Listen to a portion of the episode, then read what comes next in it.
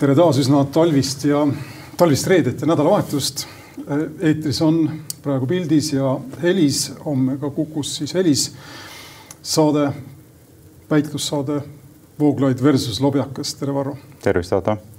meil oli siin väike äh, emergency päris alguses ja nüüd selle lindi käimasaamine peas võtab natukene aega.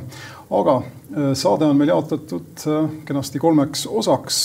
kõigepealt tahaksime rääkida äh, siis järelevaatavalt või tagasivaatavalt äh, nendest demonstratsioonidest, meeleavaldustest, politsei käitumisest nendel, nendes või nendel. see teema on muidugi meie poolt paar korda käsitletud, aga vaatame siis, kas meil on midagi uut öelda, siis räägiksime erakonnaseaduse muutmise plaanidest, mis puudutavad erakondade rahastamist ja selle üle järelevalve teostamist, ehk siis eh, erakondade rahastamise järelevalve komisjoni nimelise asutuse volituste suurendamise plaanist, mis on üsna huvitav ja kolmandaks räägime millestki, mis tegelikult oli eelmise nädala teema, aga milleks meil aega ei jäänud. aga mis on võib-olla, no ma ei tea, mitmeski mõttes, ma arvan, selle kümnendi suurim teema Eesti jaoks, me vaatame seda nii-öelda jumala pilguga, tahtmata siin nüüd blas-, blasfe-, blasfeemiasse laskuda, aga, aga Eesti on olnud osaline ühes väga suures sõjalises operatsioonis Afganistanis millele nüüd joon alla tõmmatakse ja tõmmatakse jäädavalt selles mõttes, et Ameerika Ühendriigid sealt lahkuvad ja see tähendab seda, et kasutades Iraani terminoloogiat pärast kõige suurema saatana ja, ja, ja, ja teiste saatanate lahkumist ka kõige väiksem saatan ei saa sinna enam jääda, eks see on siis Eesti. Ja tuleb teha ka meil, ma arvan, kokkuvõtteid sellest, mida me siis selle kahekümne aastaga oleme saavutanud või ei ole saavutanud oma sõdureid sinna saates iseenesest võiks muidugi küsida, et miks Eesti ei võiks sinna jääda, aga selle juurde tuleme tagasi, et Eesti on iseseisev riik ja langetab ise oma otsuseid et.... no ma võin sulle, ma olen kuus korda käinud seal, mul on mingi arusaam sellest, mis juhtuks korra Iraagis oli selline absurdne hetk, kus ähm, kadus ära see raamleping Ameerika Ühendriikidega ja siis Eesti ja vist veel mõni riik oli ikkagi teinud Iraagiga oma lepingu, aga noh, see oli puht logistiliselt võimatu, eks, et sa lähed sinna paarikümne sõjaväelasega, kellel puudub igasugune turvalisus ilma ameeriklasteta, eks. meil oli niisugune leping olemas korra. no selge aga äh, alustame kohalikemast, kohalikematest asjadest, mis tingimata ei olegi nii väga kohalikud, ehk siis nendest samast me,, me, samadest meeleavaldustest, millest me oleme juba rääkinud. koroonameetmete kriitilistest või koroonameetmete lausa vastastest meeleavaldustest ja mul väga uusi mõtteid ei ole, aga ma tean, et see teema on ülal näiteks Saksamaal, kus äh, kas kolmapäeval või otsustas valitsus muuta sealset infektsioonikaitse millega siis võimaldati üleriigilise lockdown'i kehtestamine, kõik need meetmed, mille vastu meil võideldakse, on nüüd seal jõus nagu ei kunagi varem, kuna Saksamaal on kolmas laine ja see mure on neil suur. näitajad, kusjuures on neil ikkagi väiksemad kui meil, aga, aga noh, ju see lävi, valulevi on kõrgem, aga mis siis juhtus sellel samal päeval, kui see asi otsustati? Toimusid Berliinis demonstratsioonid, kokku luges politsei kaheksa tuhat inimest, sinnakanti ta võis jääda ja algselt väiksematest kogunemistest, mis seal on kõik sanktsioneeritud, seal on veidike teistmoodi ilmselt need asjad. igal juhul need kogunemised siis liitusid ja jõudsid kokku äh, riigipäeva hoone kõrvale või ette, kus siis sees sama, samal ajal käis selle seaduse muutmise arutelu.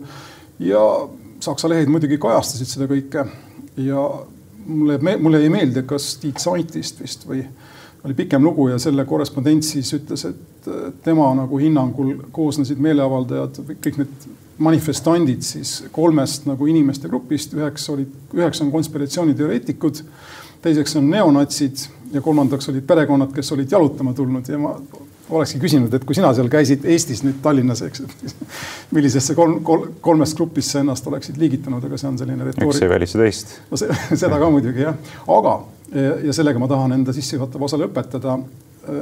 seesama Tiit Saiti korrespondent nentis ka, et neid inimesi ühendas raev või noh, viha ütleme või ükskõik, kuidas täpsemalt kvalifitseerida, aga viha või raev maailma vastu.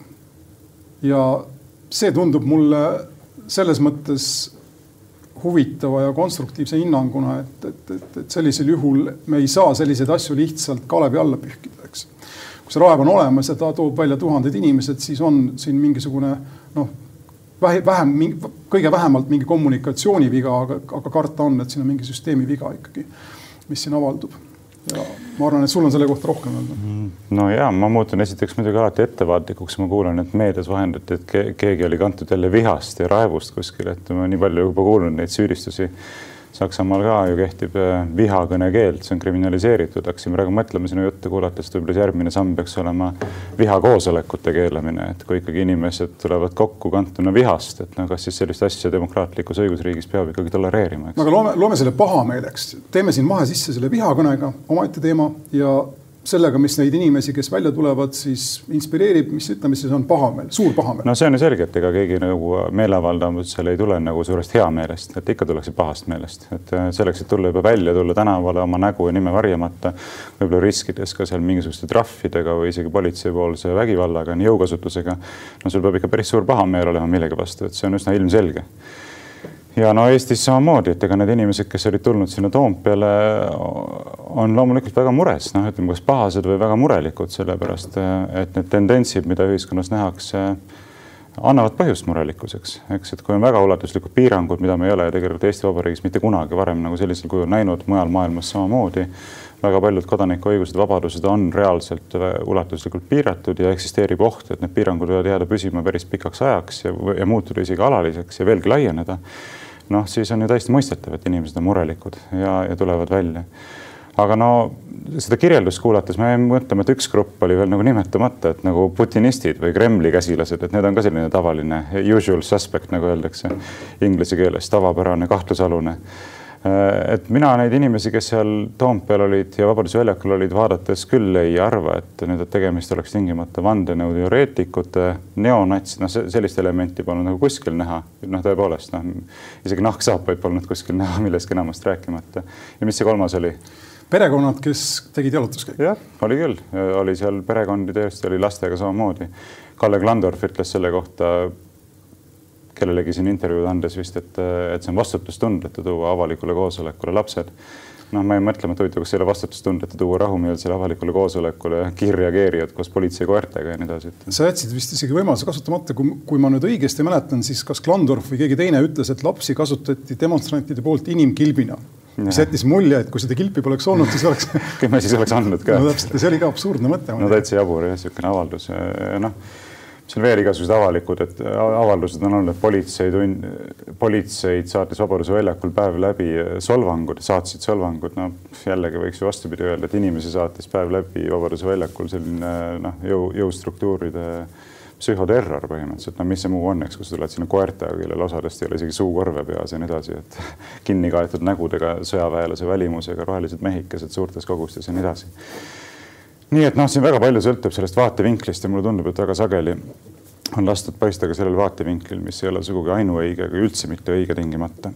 aga omalt poolt ma võib-olla juhiksin tähelepanu ühele aspektile, kui me nüüd nende Eesti meeleavalduste juurde ikkagi konkreetsemalt tuleme ja muidugi on iseenesest huvitav vaadata ka seda, mis mujal maailmas toimub nimelt eh, sel nädalal, pärast seda, kui me eelmises saates sel teemal rääkisime, on minu arvates tõusnud esile üks eriti oluline infokild. no neid on rohkem, aga üks, mis on minu meelest eriti oluline. see on nimelt see, et eh, samal päeval, kui me tegime eelmist saadet sinuga, vahetult enne seda oli eh, Vilja Kiisleril intervjuu politsei- ja Piirivalveameti peadirektori Elmar Vaheriga. no sa viitasid sellele? ja ma viitasin sellele jah. ja pärast ma vaatasin veel seda üle, ma võtsin selle klipi sealt veel välja, ma ei tea, kas sa oled näinud seda või mitte. võin sulle pärast saata aga igal juhul seal Vaher ütleb väga selgelt, kui Kiisler küsib ta käest, et aga miks nii äh, suurte jõududega otsustati tulla välja, et millega see põhjendatud on? Ja au ja kiitus Vilja Kiislerile selle teema tõstatamise eest, siis äh, Vaher vastab, vastab, hakkab selgitama, et meil oli kaks põhjust, üks oli Terviseameti ohuhinnang, et ikka väga suur viiruse leviku oht oli seal, mis on selles mõttes täitsa jabur, et välitingimustes viirus praktiliselt ei levi, nagu me väga hästi teame ja teiseks ja nüüd kaalukamaks põhjuseks oli siis see, et eelmine, eelnevalt oli Kaitsepolitseiamet andnud PPA-le, Politsei- ja Piirivalveametile oma ohuhinnangu, mille kohaselt olevat need meeleavaldused Toompeal kujutanud endast ohtu põhiseaduslikule korrale ja Kiisler veel ütles, et oot-oot-oot, et kas ma sain, kas ma, mida te praegu ütlesite, kas ma sain õigesti aru, et te ütlesite, et oli oht põhiseaduslikule korrale. et milles see oht põhiseaduslikule korrale siis seisnes seal, et seal olid sellised noh, noh, ise oled näinud neid pilte, lapse, perede, lastega pered, seal hipid, noh mitte halvustavas mõttes, vaid siuksed noh, loodusinimesed, et nii edasi mängisid kitarri, trummikest. milles on oht põhiseaduslikule korrale, see on väga tõsine süüdistus. ja siis Elmar Vaher ütleb, et noh, see on salastatud riigisaladus, ma ei saa loomulikult rääkida. ja kui ma siin räägiksin, siis need pahad, kes soovivad Eestile halba, kuuleksid seda ja noh, oleks ju väga-väga-väga halb, eks. no esiteks on muidugi jabur see, et sa põhjendad sellist väga suurt jõudemonstratsiooni mingi salastatud ohuhinnanguga ja keeldud vastamast, millel see, millel see väide baseerub, et valitsuse oht põhiseaduslikule korrale. aga nüüd, mis on olulisem, on see, et minuni on jõudnud väga usaldusväärsetest allikatest kinnitus, et äh, kaitsepolitsei ohuhinnang ei sisaldanud sellist asja nagu valitsenuks seal oht põhiseaduslikule korrale. ei olnud sellist asja seal ohuhinnangus. ja kui nüüd keegi ütleb, et äh, noh, seda ei saa kontrollida, sellepärast et kaitsepolitsei ohuhinnang on riigisaladusega kaetud siis mina vastaksin selle peale jah, ohuhinnang võib olla riigisaladusega kaetud, aga riigisaladusega ei saa olla kaetud see, mida seal ei ole, eks. ehk Kaitsepolitseiametilt võiks väga selgelt küsida, et kas teie ohuhinnangus oli selline asi, et valitses oht põhiseaduslikule korrale ja ma ei näe küll mingit põhjust, miks Kaitsepolitseiamet või ei võiks öelda, et ei, sellist asja meie pole mitte kellelegi mitte kuskil öelnud. no mis omakorda tähendaks siis seda, et PPA peadirektor Elmar Vaher va valetas ja no kui ta valetas, ja politsei üks peamisi väärtusi on usaldusväärsus, siis on ju ilmselge, et ta peaks oma kohalt tagasi astuma. see on väga huvitav teema, ütlen kohe alguseks ära, ma siin vahepeal noogutasin või raputasin tegelikult pead, mis vist kaamerasse ei jõudnud, aga ma ei ole seda Vaheri intervjuud näinud, ma üldiselt väldin selliste asjade vaatamist ja ma seetõttu pean tunnistama, et ma toetun siis sinu asja kirjeldusele no,. ma kirjeldasin adekvaatselt, ma luban sulle. Äh, see, ma kujutan ette, et Vaheril on üldse probleeme, eks, kui noh, ühesõnaga ma ei kadesta teda tippametnikuna. siin mäletatavasti veel enne vist vähem kui kaks aastat tagasi taheti teda maha võtta, siis ta kuidagi leppis ära siseminister Mart Helmega. nüüd on uus valitsus jälle, ma kujutan ette, et ta on poliitiliselt väga tundlik ja ta üritab, ma kujutan ette, et siin võib olla tegemist millegagi, millele ma viitasin ka eelmises saates, ehk siis ta üritab ära arvata proaktiivselt seda, mida temalt oodatakse, ilma et tal oleks selged ju, ju, juhtnöörid ja see on üks väga kehv olukord politseijuhi jaoks ja niimoodi tegelikult ei tohiks üheski, üheski riigis olla, rääkimata Eesti sarnasest väiksest vabast ja demokraatlikust riigist. mis puudutab kapot, siis ma arvan, et kui on Eestis üks organisatsioon, mis tajub adekvaatselt seda, kas on mingi oht olemas või ei ole, siis see on kapo. ta, see, mis aastaraamatutes ilmub, on muidugi jampslik tihti, aga ma ei kahtle selles mõttes kapo. no kõige rohkem infot on kahtlemata. professionaalsuses ja, ja kui sa ütled seda, et noh, kui sinu allikad on tõesed ja kapo selles hinnangus ei sisaldunud tõdemust, et need meeleavaldused kujutavad ohtu Eesti Vabariigi põhiseaduslikule korrale. jube tõsine süüdistus. see on kusjuures ka, siin on mingi gradatsioon ju, eks ma kujutan ette, et kui oleks oodata olnud midagi sarnast, mis toimus Saksamaal näiteks, kus nende demonstrantide ridadest aeg-ajalt tulid välja neonatsid, kes olid tõesti nahksabastes ja muus sarnases, eks, ja üritasid politseinikke rünnata, siis seal võeti kinni sada viiskümmend inimest. tegemist ei olnud muidugi ohuga Saksamaa põhiseaduslikule korrale, aga tegemist oli noh, ma ei tea, mingisuguse piiratud julgeolekuohuga, mis puudutas siis julgeolekutöötajaid ja sel, sel põhjusel nad võeti ka siis sada viiskümmend tükki võeti neist kinni, nagu ma ütlesin. ma kujutan ette, et ka kapo selles hinnangus on mingi selline gradatsioon või noh, peaks olema vähemalt sees, eks me võime rääkida siin mingisugusest julgeolekuohust, lokaalsest ja piirat, mm -hmm. piiratud ja nii edasi, aga, aga kui me räägime ohust põhiseaduslikule korrale, siis me paneme kohe ju põhimõtteliselt nagu lauda enda kõige suuremad mängumärgid ja nende taga pole enam midagi. see on riigipööre, eks? jah, täpselt, keegi, kui selline süüdistus peab sama sisu vastasel juhul, kui need asjad hakkavad lihtsalt õhku rippuma jääma, siis nad devalveeruvad ja me kuuleme seda, ma ei tea, sel aastal veel korra ja järgmisel aastal kaks korda ja siis varsti kuuleme iga kuu ja iga nädal ja noh, selline süüdistus muutub millekski, millel ühesõnaga, mis on võimalik välja käia igasuguse sündmuse puhul siis, eks. ja selleks, et jõudu rakendada. täpselt ja noh, niimoodi ühes vabas ja demokraatlikus õigusriigis asjad käia ei saa ja noh, kui ma läheksin sellesse nii-öelda võtmestikku, mis mulle kunagi või siiamaani on aeg-ajalt omane, siis ma ütleksin, et Vaher peab tagasi astuma. no ma ütleksin ka ja ma ütlen mina veel lisaks, et ma olen nõus ka Elmar Vaheri ees avalikult vabandama kui ilmneb, et kaitsepolitsei ohuhinnangus tegelikult oli kirjutatud, et valitseb oht põhiseaduslikule korrale, eks, et kapo andis sellise asja PPA-le ette. PPA peab sellest juhinduma, reageerima vastavalt, see ongi väga tõsine oht sellisel juhul ja neid tulebki tuua välja nagu see sõjaväelised struktuurid praktiliselt no suuremad, suurimad jõud, mis politseil nagu kasutada on. ja ma ütlen, tõstan käed üles, ütlen palun vabandust, et eksisin sellisel juhul, aga kui see vastab tõele, et kaitsepolitsei ohuhinnangus sellist asja ei olnud ja mees mõtles selle lihtsalt välja selleks, et leida mingisugune õlekõrs, millest kinni haarata ja õigustada politsei poolt ülemäärast jõukasutust selleks, et suruda alla põhiseaduslikku õigust meelt avaldada. no siis on minu meelest täiesti ilmselge, et mees peab tagasi astuma. ja ma ütleksin ka seda, et minu meelest meedia peaks selle asja nüüd väga teravalt üles võtma mitmel põhjusel. esiteks sellepärast, et üleüldse sellise kaardiga vehkimine, nagu sa ütled, et valitsuse oht põhiseaduslikule korrale on ikkagi noh, väga-väga ränk asi millal viimati valitses Eestis oht põhiseaduslikule korrale? et jõustruktuuride esindajad ütlevad, Eestis valitses reaalselt või valitseb reaalselt oht põhiseaduslikule korrale, ma ei mäletagi, millal Toom, see oli. Toompead rünnatakse.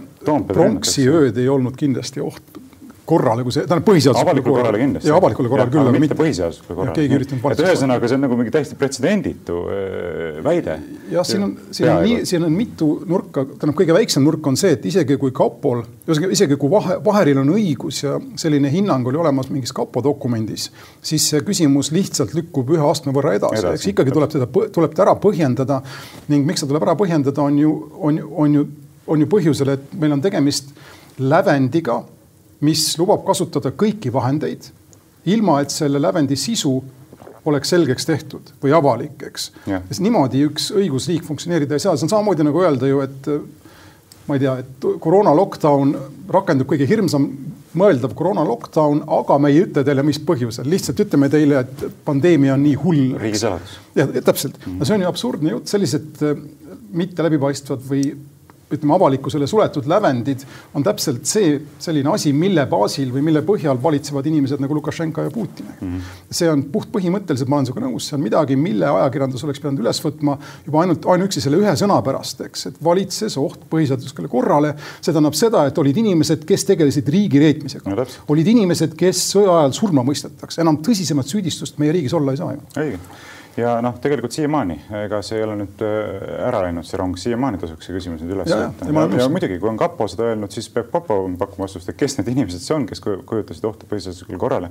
kusjuures väga huvitav on ju see, et äh, kapo on juba öelnud eelnevalt, et äh, mingit Kremli mõjutustegevust ei maksa nendest meeleavaldustest otsida. seda ma nägin ka, jah. juba, juba on see öeldud, järelikult need peavad kõik kohalikud inimesed olema ja kes need inimesed on siis, kas, kas, kes on konkreetselt need inimesed siin meeleavaldusel, kelle kõrval mina olen ka seal näi, noh, viibinud, näinud neid, ma tahan ka teada kes olid need inimesed, kes planeerisid või kavandasid või vähemalt arvestasid sellise võimalusega, et võiks riigipöörde toime panna? ja, ja noh, kui need ei ole, et nad siis jällegi, siis tekib küsimus. Ja mina arvan, et siin kapo, ma arvan, et see ei ole kapo, kes on sellise ohuhinnangu edastanud, sellepärast et ma olen ju ka viibinud nendel meeleavaldustel, näinud seda seltskonda, no see on noh, nii naeruväärne jutt lihtsalt, et see sellest seltskonnast võiks riigipööre tulla, rahumeelsed siuksed noh, põhimõtteliselt sellised äh, make love, not war, sellise, sellise hoiakuga inimesed, eks, et sealt ei tule mingisugust riigipööret. seda ma ei tea, kes täpselt, mis motivatsiooniga seal olid, aga no fakt on see, et seal relvasid väljas ei olnud ja kui kellelgi ei olnud bussitäis mingeid relvasid ootamas, mingit aktsiooni, eks siis üks noh, oht ka nendes kõikides nendes hoiatustes ja, ja, ja ma ei tea, selles hüüdes, et tegemist oli ohuga põhiseadus, põhiseaduslikule korrale, kujutab endast seda üsna kuidas öelda, traditsioonilist skeemi, millega hüütakse hunt ja hunt ja hunt, kuni seni, kuni hunt tuleb, ei usu keegi, et hunt tuleb. ei usu enam, jah. sest tulevad inimesed, nagu sa ütled, kes lihtsalt on väljas ja kujutavad endast ohtu, siis no mis riik see on, mida saab niimoodi ohustada.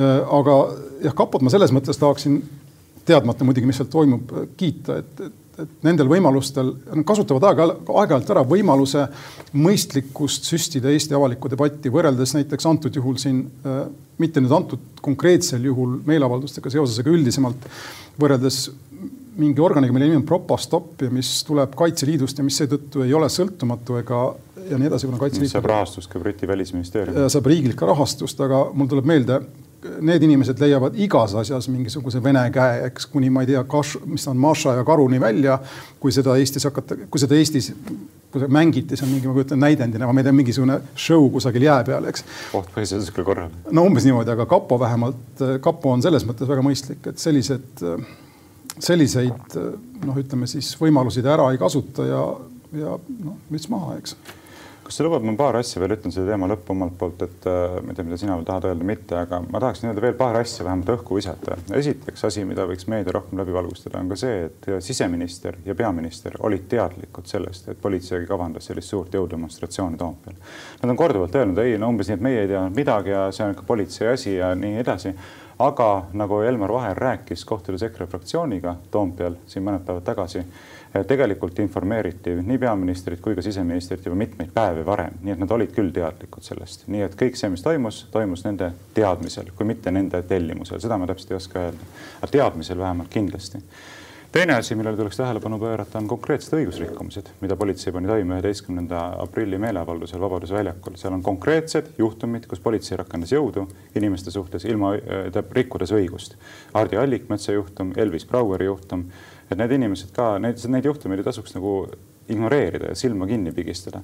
sellepärast näiteks Hardi Allikmetsa juhtum ka konkreetselt äh, kätkes politsei poolt inimese alandamist, politseibussi viimist, seal oli ka naisterahvas, kästi tal lahti riietuda kuni aluspesuväele, jah, pikapesuväele juba üks politseinik ütles nii, palun meditsiinilist kinnast teotades läbivõtsimist, eks siis talle veendi, et seda ikkagi ei ole vaja kasutada ja nii edasi.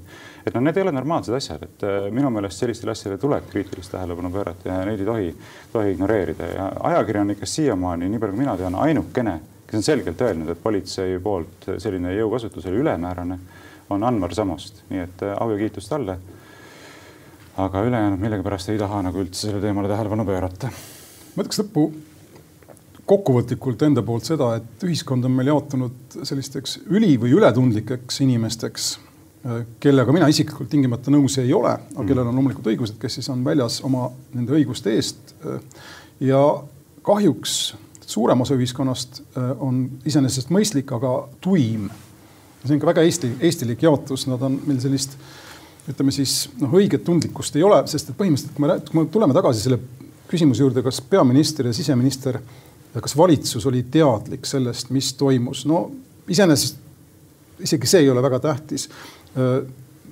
see mind isegi ei huvita, aga kas no, poliitilise vastutuse mõttes on tähtis. täpselt, vastutuse mõttest on tähtis ja see vastutuse küsimus on midagi, mida ma tahaksin siinkohal ka rõhutada ja see tuimus, mis meil valitseb, on just selles ida suunas vales mõttes, et me nagu ei pane tähele, kuidas meie enda elu libiseb aeg-ajalt üha rohkem sinnapoole, kus me näeme minu pärast Valgevenet ja Kesk-Aasia vabariike ja muud sellist postsovjetlikku ruumi. ehk siis äh, meil on mõeldavad iseenesest ju täiesti analoogsed statement'id nagu ütleme sellele, kui Venemaal öeldakse, et mitte president Putin ei pannud Navalnõid vangi, vaid kohtusüsteem pani vangi, eks. kui tahate kritiseerida, minge siis rääkige kohtusüsteemiga. meil on õigusriik ja, ja kui midagi läks valesti, siis me süüdlasi karistame, eks. aga see ei ole ju usutav jutt või ma ei tea, või siis äh, näiteks Lukašenka puhul, eks, et mitte, mitte president Lukašenka ei, ei loo tänavatel korda ega taasta rahu, vaid politsei või miilits või mis iganes seal on, eks, ja kõik tehakse, kõik tehakse nii nagu vaja. ja kui midagi valesti läheb, siis me loomulikult võtame need ametnikud vastutusele, kes liialdasid, eks, aga see, see on ju totaalne häma, mille ainukene mõte on öelda või katta nii-öelda poliitilise võimu, vabandust, tagumik, eks. ja me oleme täpselt samasuguses situatsioonis ja kasutatakse sisuliselt analoogseid kommunikatsioonistrateegiaid, mida ei tohiks olla no ja, ja see kõik on nõus, nõus. Ja see kõik on seda jaburam, kui näiteks ütleme, siseministeerium peseb nagu käed puhtaks, et ei, see on politsei rida, olgugi et siseminister on ise kuni viimase ajani tipp-politseiametnik, eks ole. seda, seda absurdsem, et meil ei ole sisuliselt jah, valitsuse tsiviilkontrolli politsei üle praegu tundub, aga noh, see selleks. teeme väikse vahe ja lähme järgmise teema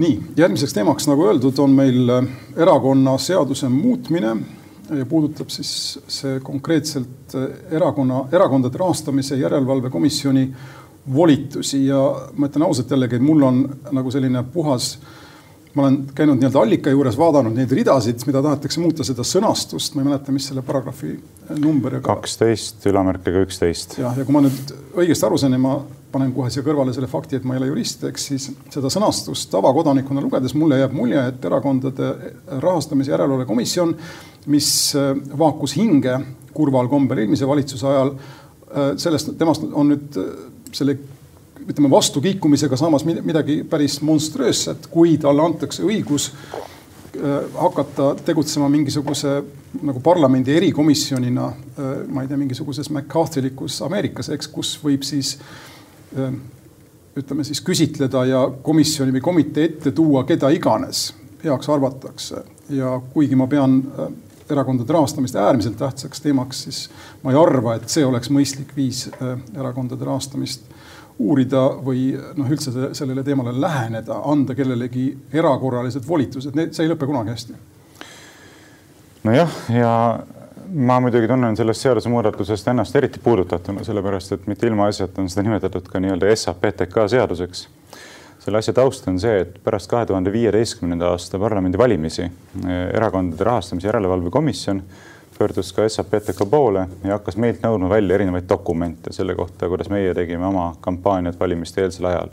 mitte ise üldse poliitilise parteina, mitte ka kandideerides kuskil, aga saates laiali tõepoolest väga suure hulga materjale kus ütlesime, et meie arvates need inimesed, kes peavad oluliseks neid ja neid printsiipe, võiksid eelistada neid ja neid erakondi, eks, sellepärast et nemad suurema tõenäosusega seisavad nende printsiipide eest. ehk ühesõnaga tõepoolest äh, väljendasime oma vaateid ja üritasime suunata inimesi selle poole, et nad eelistaksid selliseid jõude, mis kaitsevad meile olulisi põhimõtteid ja pärast seda siis see Erakondade Järelevalve Rahastamise Komisjon hakkas äh, ajama sellist juttu, nagu me oleksime teinud äh, varjatud annetuse erakondadele, ma ei tea isegi täpselt kellele, seepärast meil oli iga erakonna kohta seal mingisugust informatsiooni edastatud, milliste vaadete eest nad seisavad, nii edasi.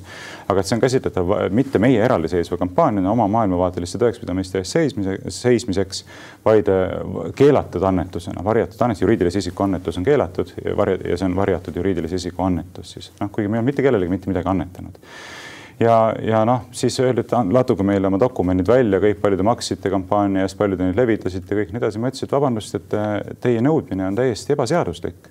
see puudub õiguslik alus, sellepärast et seadus ei näe ette, et te võiksite kolmandatelt isikutelt üldse mingisuguseid dokumente nõuda.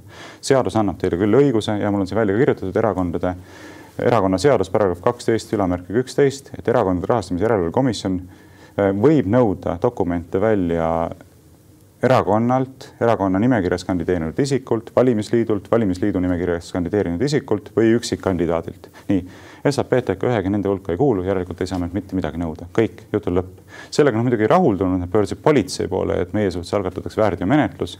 politsei ütles, et ei, me ei ole nõus, sellepärast et puudus õiguslik alus väärteomenetluse algatamiseks. Nad veel vaidlustasid selle, tahtsid, et ikkagi algatataks. politsei ütles, et ikkagi puudub õiguslik alus, ei saa. ehk esiteks nad ebaseaduslikult nõudsid meilt dokumente ja teiseks nõudsid ebaseaduslikult politseilt, et meie suhtes algatatakse väärteomenetlus. ehk me nägime, et siin olid ilmselgelt siuksed nagu poliitilise tagakiusamise elemendid, seda enam, et seda komisjoni toona juhtis sots, eks ja nüüd siis on jõudnud nii kaugele, et tahetakse teha see seadusemuudatus, mis näeb ette seda, et lisatakse sama paragrahvi eh, kolm lõiget, mis ütleb siis nõnda, näiteks seitsmes lõige samas paragrahvis ütleks. erakondade rahastamise järelevalve komisjonil on õigus oma ülesannete täitmiseks küsida dokumente ja saada teavet ka kõikidelt kolmandatelt isikutelt kes on kohustatud väljastama vajalikku teavet ning võimalda, võimaldama teha dokumentidest koopiaid, ärakirju ja väljavõtteid. ja üheksas lõige, erakondade rahastamise järelevalve komisjoni nõudmisel on kolmas isik kohustatud andma komisjoni määratud mõistliku tähtaja jooksul kirjalikke ja suulisi seletusi komisjoni esitatud küsimustes. komisjon võib nõuda, et kolmas isik ilmuks seletust andma erakondade rahastamise järelevalve komisjoni asukohta, nii. mis on minu meelest noh, täiesti äh, monstroosne, kui sinu sõna kasutada Ameerika Ühendriikide sõnastust kasutades on tegemist eriprokuröri instantsi loomisega siis. jah, ja, ja, ja, ja kusjuures väga huvitav on see, et kolmandatelt isikutelt ilma piiranguteta, et ja. ta võib nõuda sinult, sinu emalt, kui niimoodi nalja teha, eks. ta võib nõu-, aga miks ta ei või nõuda näiteks Postimehelt Postimehe peatoimetaja kutsuda välja, nõuda dokumente, nii, kes teid on rahastanud, mida, sellepärast et te väljendasite kriitilisi seisukohti valimiste kontekstis ühe või teise või kolmanda erakonna suhtes, eks. seda võib ka käsitleda niisuguse varjatud annetuse või varjatud toetuse, toetusena või mida iganes.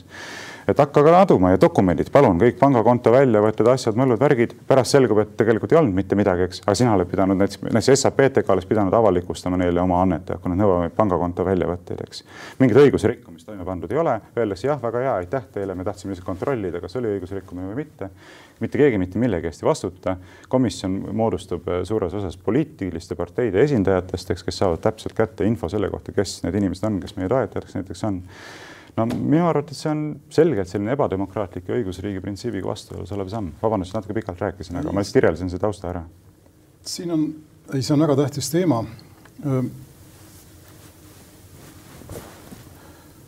see on väga tähtis teema, tähendab mul ei ole midagi selle vastu, vastupidi, ma arvan, et on väga õige, oleks väga õige see, kui Eesti Vabariigis tehtaks kõik poliitilist võimu puudutav rahastamine avalikuks. küsimus on, miks varem pole seda tehtud ning küsimus on, mis juhtub siis, kui seda teha nüüd kirjeldatud moel. ja mul on siin noh, paar sellist poolinformeeritud prognoosi. ma oletan, eks, et võim jääb nende kätte, kelle käes ta ikka olnud on, ehk siis valitsuse kätte ja sümptomaatiliseks saavad ka uues korras, kui see tõesti peaks rakenduma, sellised asjad või protsessid, mida me oleme varem näinud äh, selliseid asju puudutavates küsimustes ehk siis korruptsiooni uurimised algatatakse suure hurraaga ja suure äh, avalikustamisega, aga nad jäävad vinduma.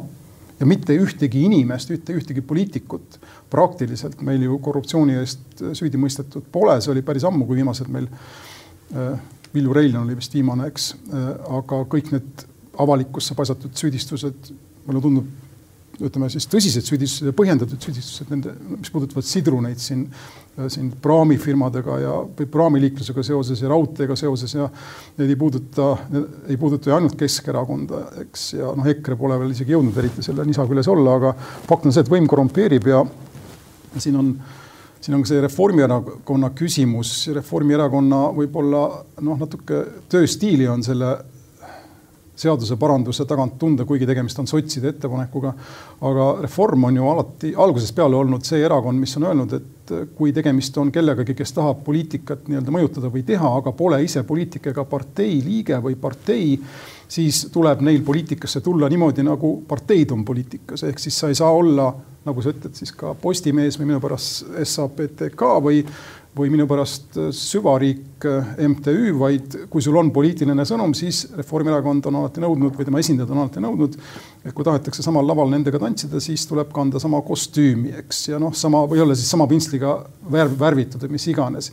ja see muidugi ei ole õige ega mõistlik ja. no orava kostüümi küll selga ei ole nõus panema. jah, no aga ütleme siis, mis on orava suurim vaenlane, eks ikkagi, aga mingi kostüümi sa pead selga panema, see on see point okay.. Äh, selles näitemängus kaasa tegema asju ja mis juhtub minu nagu, kuhu ma välja tahan jõuda, on siis see, eks, et et ühtepidi on meil kõik erakonnad MTÜ-d, mis on absurdne.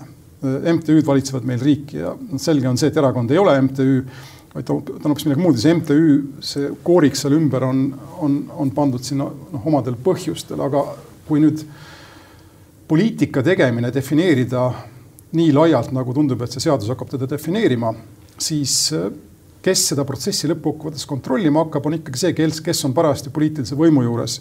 ja jällegi tulles tagasi noh, senise praktika juurde, eks me avastame näiteks, et Mailis Reps, kellele esitati siin see süüdistus ja too süüdistus ja kõik olid minu arvates väga veenvad ja väga karmid süüdistused. tema uurimine ei jõua lõpule enne kohalikke valimisi. no sest, et me võime oletada, eks päriselt süüdistada kedagi ei saa, aga noh, tundub mulle, et mõttekäik võib olla, et kohalikud valimised on nii tähtsad, et Keskerakond, kes on praegu võimul, tõsi küll, mitte peaministriparteina, on piisavalt mõjukas, et öelda, me ei taha niisugust asja enda kraesse enne, enne kohalikke valimisi no,. rääkimata sama... nendest süüdistustest, mille olete valitsus kokku siin. jah, ja sama juhtub sellesama era, erakondade rahastamise järelevalve komisjoniga, ükskõik kui head on nende plaanid, ükskõik kui ma ei tea, puhta südamega on need inkvisiitorid, neid nööre tõmbavad parteid ja need, kelle käes on tegelik võim. ja seetõttu, mida vähem on sellistel asjadel võimu, seda parem on seni, kuni me ei suuda teha ära see, seda, seda, mis on tegelikult lihtne. avalikustada parteide raamatupidamised nagu iga teise firma või MTÜ raamatupidamised. ma ei näe, mis siin probleem saab olla, ma olen seda kümme või kaksteist aastat rääkinud. ja siis põhimõtteliselt kõik, mis sealt välja jääb, kui see välja tuleb, seda siis kohelda seaduse täie rangusega. ma ei, ma ei, ma ei näe, kus siin saab probleem olla noh, majandusaasta aruanded on avalikud, eks, ja parteide puhul on ka annetused avalikud, kõik annetused, eks, et iga viimane annetus peab olema avalik. noh, peab olema, kas ta nüüd on ka, see on iseküsimuseks, võib olla ka mingisuguseid annetusi, mida ei deklareerita, aga seadus vähemalt niimoodi ette näeb seda asja. Aga nüüd laiendada seda ka kõikidele teistele kodanikuühendustele, et kõikide kodanikuühenduste kõik annetused peavad olema avalikud, ma arvan, et see lihtsalt ei ole proportsionaalne mitte kuidagi, sellepärast et äh, inimestel on ju õigus näiteks sellele, et nende poliitilised maailmavaatelised eelistused ei ole avalikud. see on, seda ma jah, see on poliitika määratlemine väga laialt mm, -hmm. mis tähendab jällegi, ta on selline ühiskonna politiseerimine, mida no mis on tuttav, on mulle tuttav eelmise sajandi kolmekümnendatest aastatest ja praegusest äh, postsovjetlikust ruumist, kus järjest võtavad riigid vastu seal Venemaa eriti seadusi selle kohta, kes on mõjuagent ja kes ei ole mõjuagent, eks mõjuagendi definitsioon on väga lai ja põhimõtteliselt igaüks, kes blogib, on mõjuagent potentsiaalselt ja see asi hakkab siin samas suunas liikuma ja see ei ole hea suund jah, ja ma ütlen, selliste õilsate eesmärkidega on tegelikult võimalik väga palju kahju teha, et iseenesest kõlab õilselt, et teeme avalikuks ja läbipaistvaks ja nii edasi.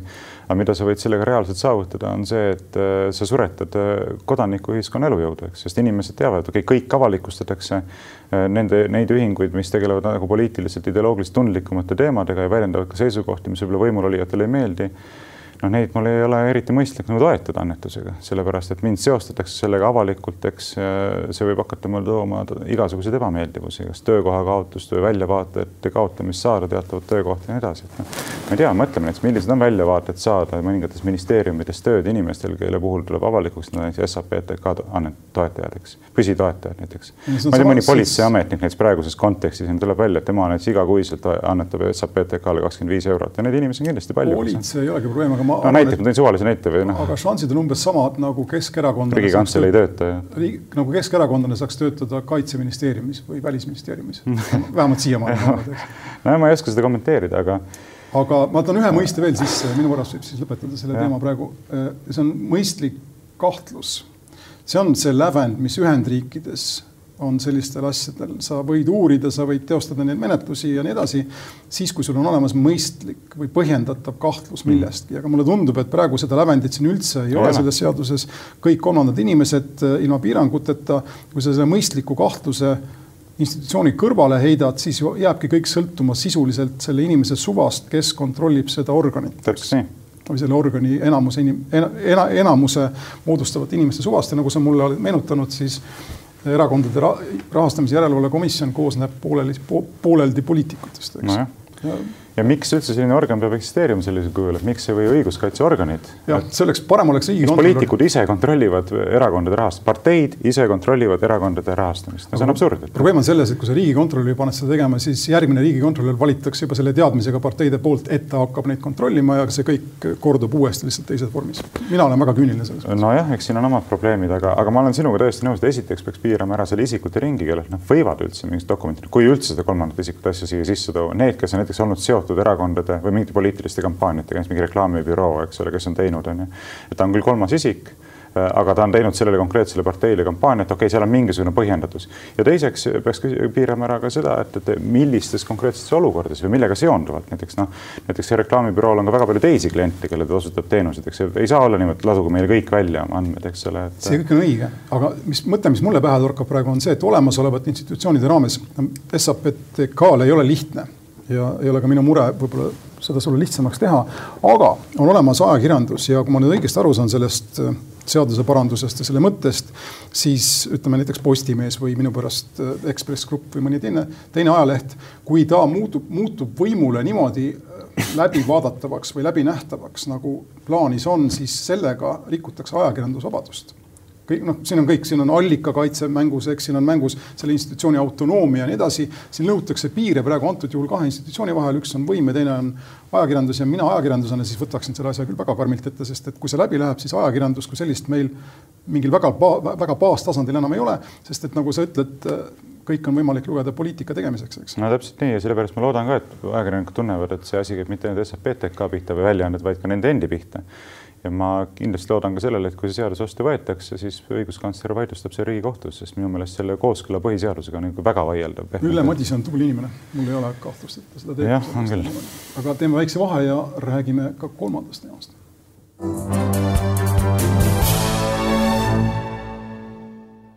ja jällegi jääb see kolmas teema vaeslapse rolli teatud mõttes poeetilise õiglusega, kuna Afganistan on üks vaene, tolmune ja mitte kellelegi korda minev riik, aga üks äärmiselt ilus maa, ma võin öelda, millest mul on isiklikult kohutavalt kahju. mul ei ole ka talle lahendusi pakkuda, ei olnud kahekümne aasta eest, ei ole ka praegu, aga ma nägin seda juba esimest korda seal käies kaheksateist aastat tagasi, et see, mida lääs seal teeb, peab olema kas igavene või siis ei ole seda üldse mõtet teha. ehk siis, kui sa noh, ütled mingitele poliitilistele jõududele seal riigis, et, et me toestame teid sõjalise jõuga ja te reformige seda ja siis te ei tee seda nii-öelda lahtise otsaga, vaid panete sellele, mingil hetkel panete selle kinni, sest need inimesed, kes seda vastuvoolu on teinud, nende elud ei ole midagi väärt ja no, on ilmselge, et niipea kui Ameerika Ühendriigid sealt välja tõmbuvad, Kabul mingil hetkel langeb Talibanile ja kõik, mis on kahekümne aasta jooksul tehtud selleks, et tüdrukud saaksid koolis käia ja naised saaksid teha midagi ja üldse mingid vabadused oleksid, kõik see kukub kokku ning neid vabadusi ja noh, edendanud ja esindanud inimesed Taliban lihtsalt tapab ära ja see on kohutav vastutus. mul on kahju sellest riigist ja mul on kahju ka ausalt öeldes Eesti moraalsest palest kes me oleme seal osalenud ja ainukene argument lõppkokkuvõttes, ma lugesin Jüri Luike mm, -hmm. on ju see, et me läksime sinna sellepärast, et meie, et, et, et meie liitlased olid seal ja see oli liitlaskohuse täitmine, ehk siis mitte ei olnud seotud Afganistaniga, vaid oli seotud meie ja Ameerika Ühendriikide vahelise suhtega ja mul tuleb nii selgelt meelde praegu siin üks Gerhard Schröderi, Saksamaa toonase kantsleri nõunik, siis kui otsustati Saksamaa minek äh, NATO sellesse koalitsiooni ISAF-i, eks. Nõunik, kelle, kelle nime ei ole teada, ütles seda, et see kõik Afganistanis ei oma mingit pistmist Afganistaniga, see omab sada protsenti pistmist Ameerika Ühendriikidega, nagu, nagu ütles Jüri Luik, aga see nõunik lisas ühe lause, kui Osama bin Laden oleks ennast varjanud Fidžis, poleks mindud Fidžile mis ütleb mulle seda, et Afganistan huvitab siin absoluutselt mitte kedagi ja mul on kohutavalt kahju sellest ja minu arust see on väga silmakirjalik, kui meie president nüüd kasutas võimalust, viimast võimalust veel sõjaväekaitse all seal käia sel nädalal ning eh, noh, tegi näo, nagu polekski midagi juhtumas ja Eesti toetab teid ka edaspidi ja see kõik ei tähenda mitte midagi, see on silmakirjalik ning see on lihtsalt, eh, ma ei tea, ma arvan, et enese reisihimu rahuldamine. Eestil ei ole sellele mitte midagi mõistlikku öelda. ainult häbi, silmad täis häbi no mul on raske sellele midagi lisada, et eks minu mõtted liiguvad paljuski samas suunas ja väga palju küsimusi on ju õhus endiselt selle Iraaki, sinna Afganistani minekuga, no Iraaki minekuga ka muidugi. Afganistaniga on vähem, sest Osama bin Laden oli seal Tora Bora kobastas, see on ja. selge. tähendab, USA-l oli õigustus sinna minna pärast seda, mis juhtus kaks tuhat üks, eks sellega ma ei vaidle. no oletame, et oli, aga see missioon on ju ammu täidetud. Osama bin Laden lahkus elavate kirjast juba päris ammu, eks väidetavalt vähemalt. ei no ta saadi kätte Pakistanis lõpuks või lasti maha. jah, aga noh, väidetavalt teda enam elavate kirjas igal juhul ei ole, järelikult peaks nagu olema see missioon ka üsna ammu nagu juba ellu viidud. no missioon oli ju tuua Afganistani demokraatia ja mingisugune elustandard, aga kulutati kümneid miljardeid sõjaväelisele operatsioonile. kaks triljonit ma lugesin ERR-ist et.... ja kui seda, kui sellest rahast oleks saanud kümnendik Afganistani inimestele, kui see, kas see oleks võimalik, ega seegi ei ole lihtne, eks minna korruptiivsetest või korruptiivsetest võimuinstantsidest mööda anda inimestele. kakssada miljardit dollarit siis, näiteks siis, oleks kümnendik. mis, milline see riik välja näeks, tegemist on Šveitsiga, milles ei ole lihtsalt korda ega no jaa, aga samal ajal jällegi sa ütlesid, et kelle huvides see tegelikult on olnud, eks ole, väga suur osa sellest kahest triljonist on läinud reaalselt hoopis sõjatööstusele, mitte Afganistani inimestele, eks, et eks see ongi selle kaasaegse maailma probleem, et meile nagu räägitakse mingisugustest ilusatest väärtustest aga see, mis seal taustal avaneb, see pilt, mis seal taustal avaneb, eks noh, sa ka oled käinud kuus korda seal, sa ennem ütlesid, et noh, ilmselt sa näed seda pilti palju paremini veel, kui mina oskan näha. Äh, räägib mingisugust väga muud keelt, eks, et, et siin on nagu reaalsus ja siis on paralleelreaalsus, et mingi simulaakrum, eks, mis nagu lihtsalt ei.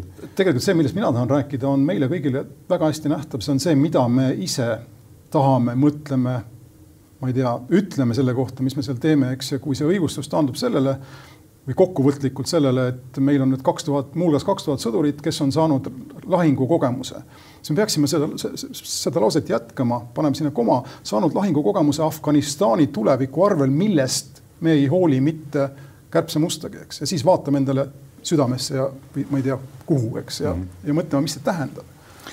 jah, muuseas jällegi ERR-i andmetel Afganistanis on saanud surma üheksa Eesti sõdurit ja sada kaks kaitseväelast on saanud vigastada, neist kolmkümmend üheksa raskelt.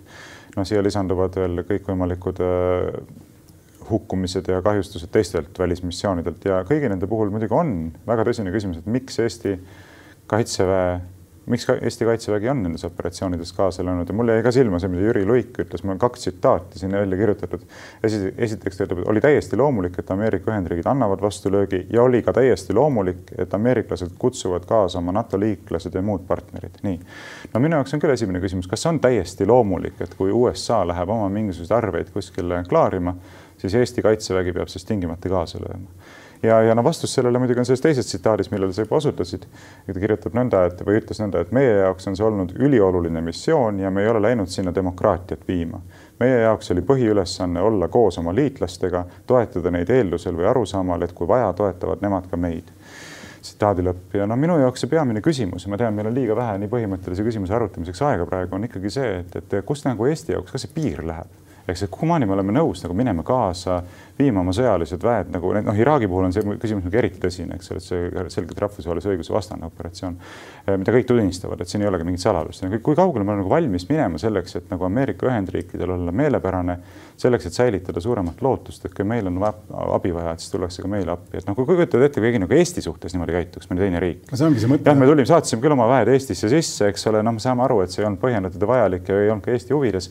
aga no meil oli vaja, eks ole, et eh, meid aidataks, kui meil nagu kitsas käes on, et noh, see mõtteviis ju meile tegelikult ei ole vastuvõetav, aga siis ei tohiks olla meil vastuvõetav ka ise olla selle mõtteviisi kandjaks teiste suhtes. mind millegipärast kisub kristliku pärandi juurde praegu, kui ma sind kuulan, üks on. üks on see, noh, kui nüüd internaliseeritud see pärand on, see on teine asi, eks no,. küll jõuab, küll jõuab li. liiga vara rõõmusta, aga üks tähelepanek või selline tarkussõna ütleb, et sa pead tegema, sa pead käima ümber minu vähima vennaga, nii nagu sa käid minuga ümber, eks. ja meie käime ühtpidi ümber Afganis-, Ameerika Ühendriikidega ja teistmoodi Afganistaniga. me põhimõtteliselt me avame ukse sellele, et meiega käidakse ümber ka kui väga vähese vennaga, kuna meist midagi ei sõltu ja vajadusel sõidetakse üle, eks, kuna me ei ole, kuna me lihtsalt noh, tunnistame tugevama või tugeva jõudu. aga see, mis seal, mida Eesti seal on teinud, mis Ameerika Ühendriigid on ka teinud ja ütleme, rahvusvaheline kogukond on seal teinud lõppkokkuvõttes, on ju jesuiitlik põhimõte, eesmärk pühendab abinõu, eks, Ameerika või Afganistan on olnud abinõu. ja need eesmärgid pole teda üldse puudutanud ja kusjuures mul on, ma, ma ei, ma ei vaidle sellega, et seal on tehtud provintslikku rekonstrue-, rekonstrueerimistööd ja muud sarnast, mis on olnud potentsiaalselt kasulik ja siin on pandud nii-öelda head tahet ja siirust ja ma olen näinud neid inimesi ja seal on väga palju sakslasi ja inglasi ja prantslasi, keda ma olen näinud ja ka eestlasi, kes tegid seda südamega. aga küsimus on selles, et nii-öelda suures asjade skeemis ei ole sellest mitte mingit kasu, kõik see on nüüd lõpetatud ja kõik see on allavoolu lastud jah, varem oleks võib-olla isegi öelnud, et kui väga jesuiitlik see printsiip on, aga viimasel ajal katoliku kirikus toimuvat vaadates olen isegi hakanud mõtlema, et võib-olla, võib-olla ongi sellest. siin ma olen avanud hoopis sihuke sügavama. jah, kui ma olen arvanud, igal juhul jah, teine printsiip on ka, et ära tee teistele seda, mida sa tahad sulle tehtaks ja, ja see on küll võib-olla mõttekoht, mis puudutab Eesti neid, Eesti vägede saatmist teistesse riikidesse. mul on kohutavalt kahju kahest või kolmest keskmisest, kesksest Hazara provintsist ja ma ei hakka siin, mul ei ole aega, et seletada, aga Hazarad on šiidid, kes on väga rahumeelsed, väga noh, üritavad elada enda elu ja nad on väga tolerantsed ja avatud ka ja kõik ja nad jookstakse esimesena pikali sealt niipea, kui kaob lääne sõjaline jõud ja mul on nendest kohutavalt kahju, kahju, ma käisin seal kaks aastat tagasi viimase reisina ja ma arvan, et ma sinna kunagi rohkem ei pääse ka mm. -hmm. kurb. jah, ja sellega lõpetame tänase saate. mul on hea meel, et vähemalt Afganistan on nüüd kaetud ammendatud. ammendatud, kas, aga igal juhul äh, te kuulasite ja vaatasite väitlussaadet Vooglaid versus Lobjakas ja minu, minu poolt suur tänu ja kuulmiseni. kohtumiseni.